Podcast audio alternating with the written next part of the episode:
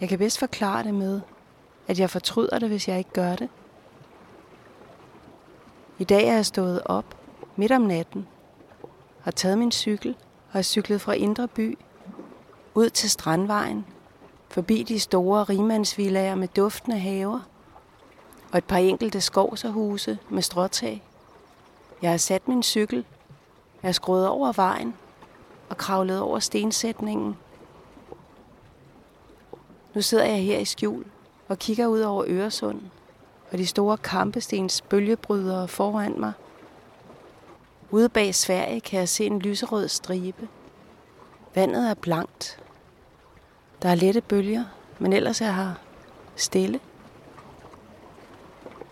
Jeg har valgt det her sted, fordi her er jeg kommet rigtig meget sammen med min far. Jeg vil mærke min far, og hvordan vi sprang rundt på de her sten, lige netop her. Hvordan han træner mig til at balancere fra sten til sten og passe på, at jeg ikke mister fodfæste, at jeg ikke falder ned imellem sprækkerne. Min far er død, men det her sted er magisk.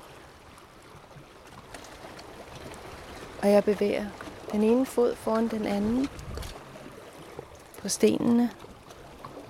Og jeg springer venstre, højre, venstre, som min far har lært mig. Og stenen er sorte og grå og røde. Og jeg prøver at sætte fødderne rigtigt. Og jeg prøver at se lidt forud for det næste trin. Det næste trin. Og solen sender en bro af lys hen til mig nu.